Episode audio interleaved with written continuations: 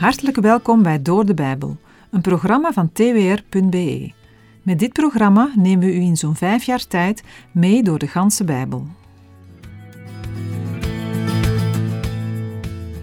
We gaan vandaag in uitzending 711 verder lezen in het Bijbelboek Filippenzen. Filippenzen is een brief van vreugde en bemoediging te midden van ongunstige omstandigheden. Paulus geeft openlijk uiting aan zijn grote verbondenheid en liefde voor de Filippenzen. Hij waardeert hun standvastige getuigenis en ondersteuning.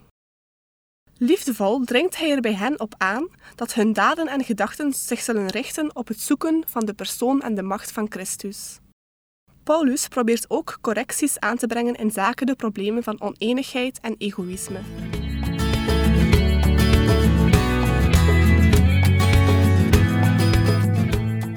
In de vorige uitzending hebben we al wat algemeenheden besproken over de brief aan de Filippenzen. En voor we nu beginnen met het lezen en bespreken van de tekst zelf, wil ik er nog wat meer meegeven. De stad is genoemd naar Philippus, koning van Macedonië en vader van Alexander de Grote. Voor die tijd heette de stad Crenidas. Dat betekent bronnenstad, gezien de vele beken die de stad van water voorzagen.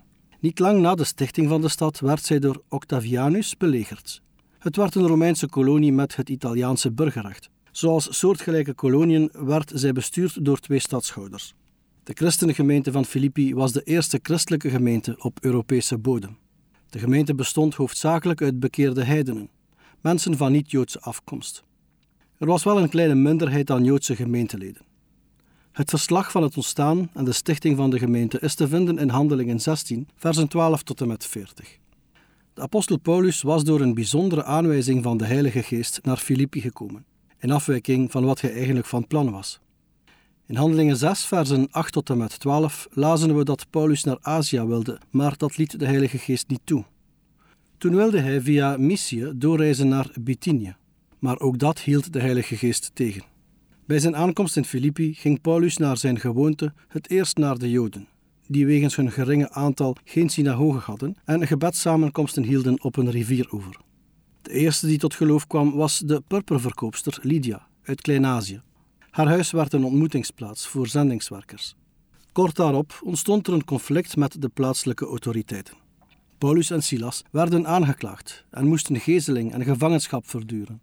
Daarvan was de vrucht de bekering van een cipier en zijn familie. Na uit de gevangenis bevrijd te zijn, trokken de zendelingen verder en lieten een jonge gemeente achter. Later, op zijn tweede zendingsreis, bezocht Paulus de stad opnieuw.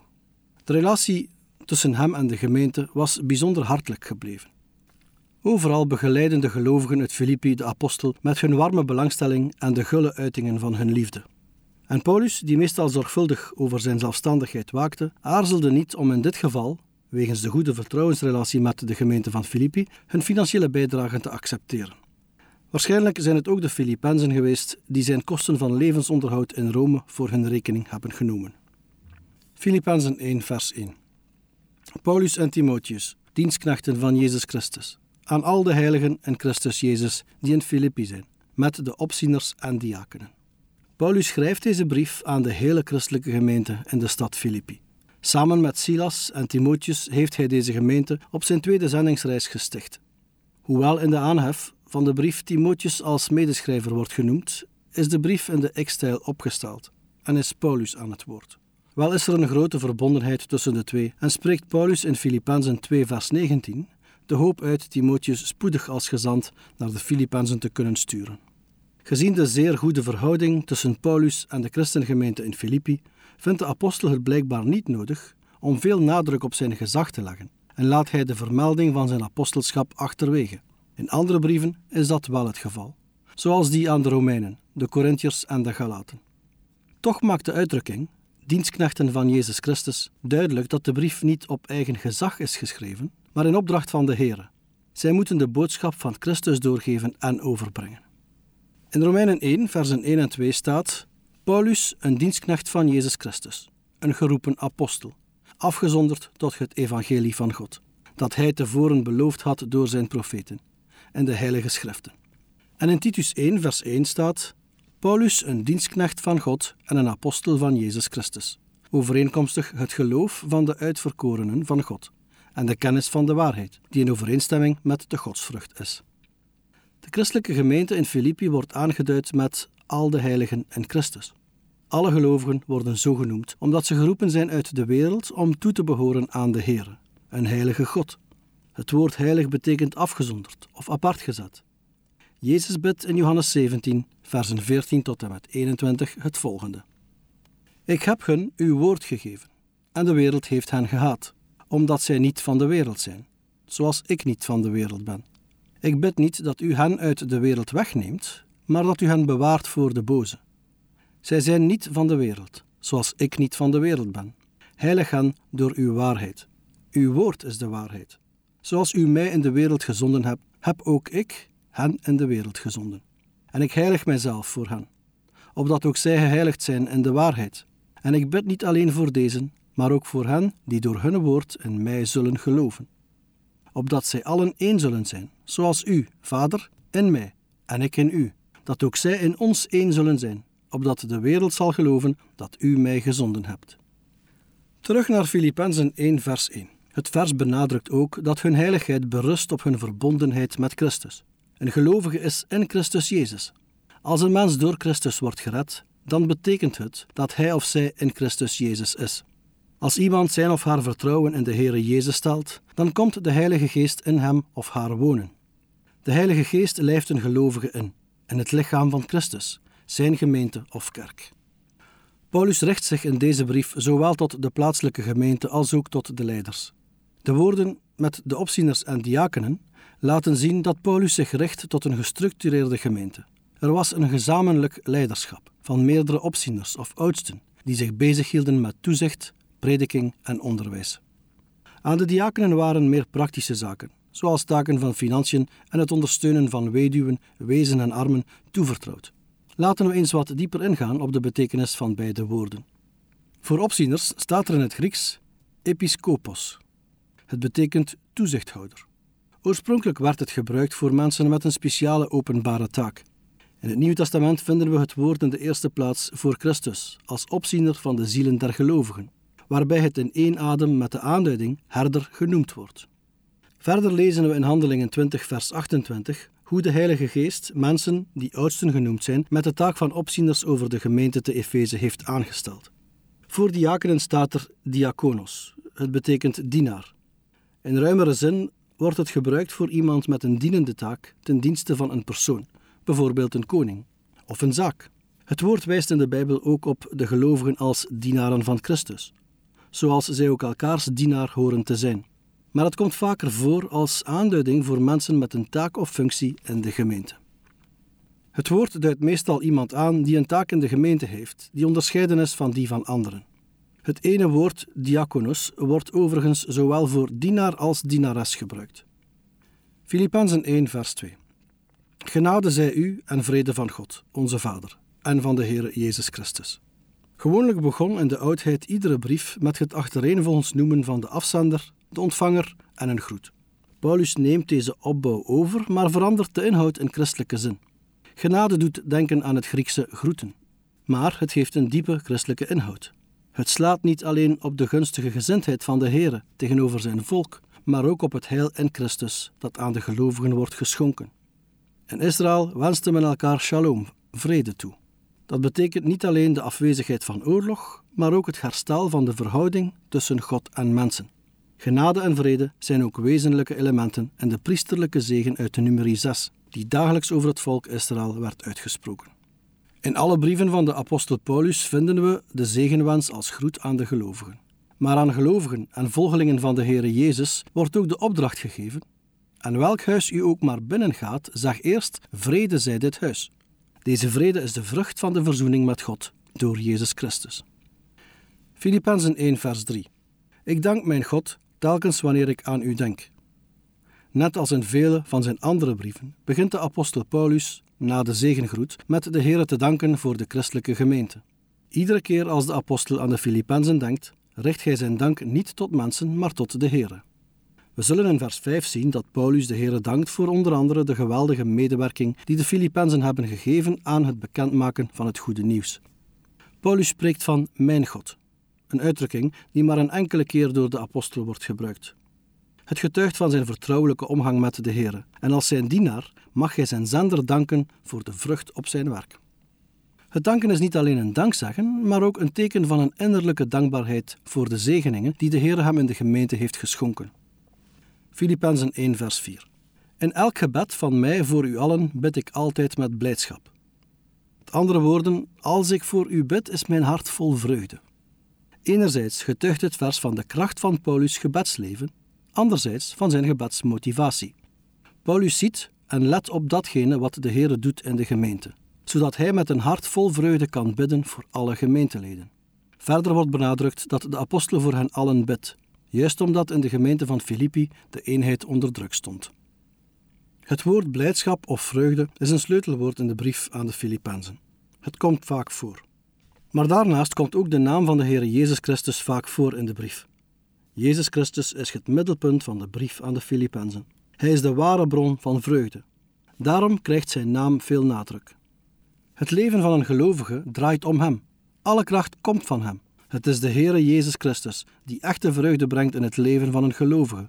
Voor Paulus is bidden geen beproeving, maar iets dat hij niet wil missen. Ook in de omstandigheden waarin hij toen verkeerde, want hij zat in de gevangenis. Filippenzen 1, vers 5. Vanwege uw gemeenschap aan het evangelie, van de eerste dag af tot nu toe. Ik heb al aangekaart dat dit vers de reden geeft van Paulus' vreugde bij het danken en bidden voor de Filippenzen. De gemeenschap van de Filippenzen is gericht op een specifiek doel, namelijk op het bekendmaken van het goede nieuws, de verkondiging van het evangelie. Vanaf het ontstaan van de gemeente in Handelingen 16 hebben ze Paulus financieel gesteund om het evangelie te kunnen verkondigen. Tot nu toe geeft aan dat de gemeente van Filippi blijft doorgaan met het ondersteunen van de apostel. De gelovigen van Filippi hebben Epaphroditus gestuurd om Paulus te helpen met dingen die hij nodig heeft in zijn gevangenschap. Zo wordt de medewerking van de Filippenzen aan het bekendmaken van het evangelie zichtbaar en tastbaar in de ondersteuning van de apostel Paulus. Zo kan het vandaag nog steeds gaan. Gelovigen kunnen niet allemaal als fulltime zendeling actief zijn in het koninkrijk van God, maar zij kunnen wel hun medewerking en ondersteuning geven aan het bekendmaken van het goede nieuws. Met gebeden, financiën en persoonlijke inzet voor zendelingen en evangelisten kan een gelovige zich inzetten voor de verkondiging van het evangelie. Maar de gemeenschap van gelovigen gaat verder dan regelmatig geld geven in een collecte voor de zending. Het Griekse woord spreekt van een nauwe verbondenheid.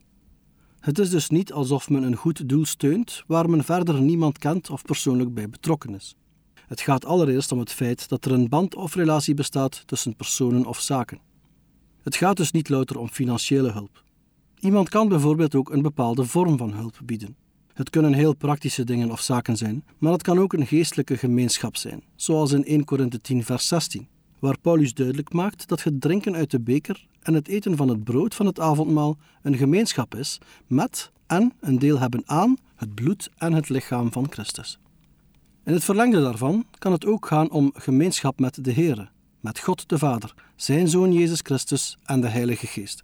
In 1 Johannes 1 vers 3 staat wat wij gezien en gehoord hebben, verkondigen wij u, opdat ook u gemeenschap met ons hebt.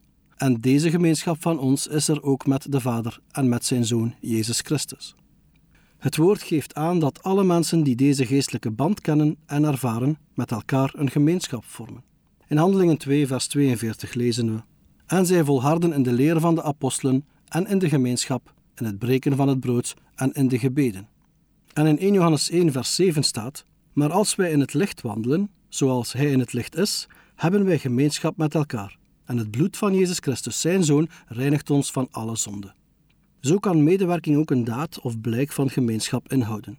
Zoals in Romeinen 15, vers 26, waar we lezen: Want de gemeenten van Macedonië en Achaïe hebben het goed gevonden enige handreiking te doen aan de armen onder de heiligen in Jeruzalem. Daar gaat het om een daad van medeleven, in de vorm van een collecte ten behoeve van de arme geloofsgenoten in Jeruzalem. Ook in Hebreeën 13, vers 16 wordt goed zijn voor anderen, naast de liefde en delen van je bezit met behoeftigen in één adem genoemd met het brengen van offers die God waardeert. In gemeenschap bemoedigt en ondersteunt men elkaar tot eer van de Heer. Zoals Paulus geschrijft in 2 Korinthe 9, versen 13 tot en met 15. Daar staat: want door dit bewijs van dienstbetoon verheerlijken zij God vanwege de onderdanigheid aan het evangelie van Christus, overeenkomstig uw beleidenis, en vanwege de gulle handreiking aan hen en aan allen. En in hun gebed voor u verlangen zij vurig naar u vanwege de alles overtreffende genade van God over u. Ja, God zij dank voor zijn onuitsprekelijke gave. U heeft geluisterd naar Door de Bijbel, een programma waarin we in vijf jaar tijd de ganse Bijbel bespreken. De basis voor het programma is de Bijbelstudiereeks van Dr. Vernon McGee, Through the Bible. Het werk van Dr. McGee werd reeds in meer dan 100 talen bewerkt. Door de Bijbel is de Vlaamse versie. Meer info over Through the Bible en andere bewerkingen vindt u op www.ttb.org. Bovendien is bij de productie van het programma dankbaar gebruik gemaakt van de studiebijbel van het Centrum voor Bijbelonderzoek. De studiebijbel online werd gebruikt voor research en wordt ook met toestemming regelmatig geciteerd. Meer informatie vindt u op www.studiebijbel.nl. Wij raden een abonnement op de Studiebijbel-app aan, als u nog dieper op de Bijbel wilt ingaan. U kan elke werkdag naar een nieuwe uitzending luisteren en u kan ook steeds voorbije uitzendingen opnieuw beluisteren of downloaden. Als u wilt reageren op deze uitzending of u heeft vragen, dan kunt u uiteraard contact met ons opnemen. U kan een e-mail sturen naar doordebijbel.twr.be. Verder kan u op onze site terecht www.twr.be voor meer info en het beluisteren van onze overige programma's. Dit programma werd gepresenteerd door Patrick Couchement en Anne Notenboom. Wij danken u voor het luisteren en graag tot een volgende keer.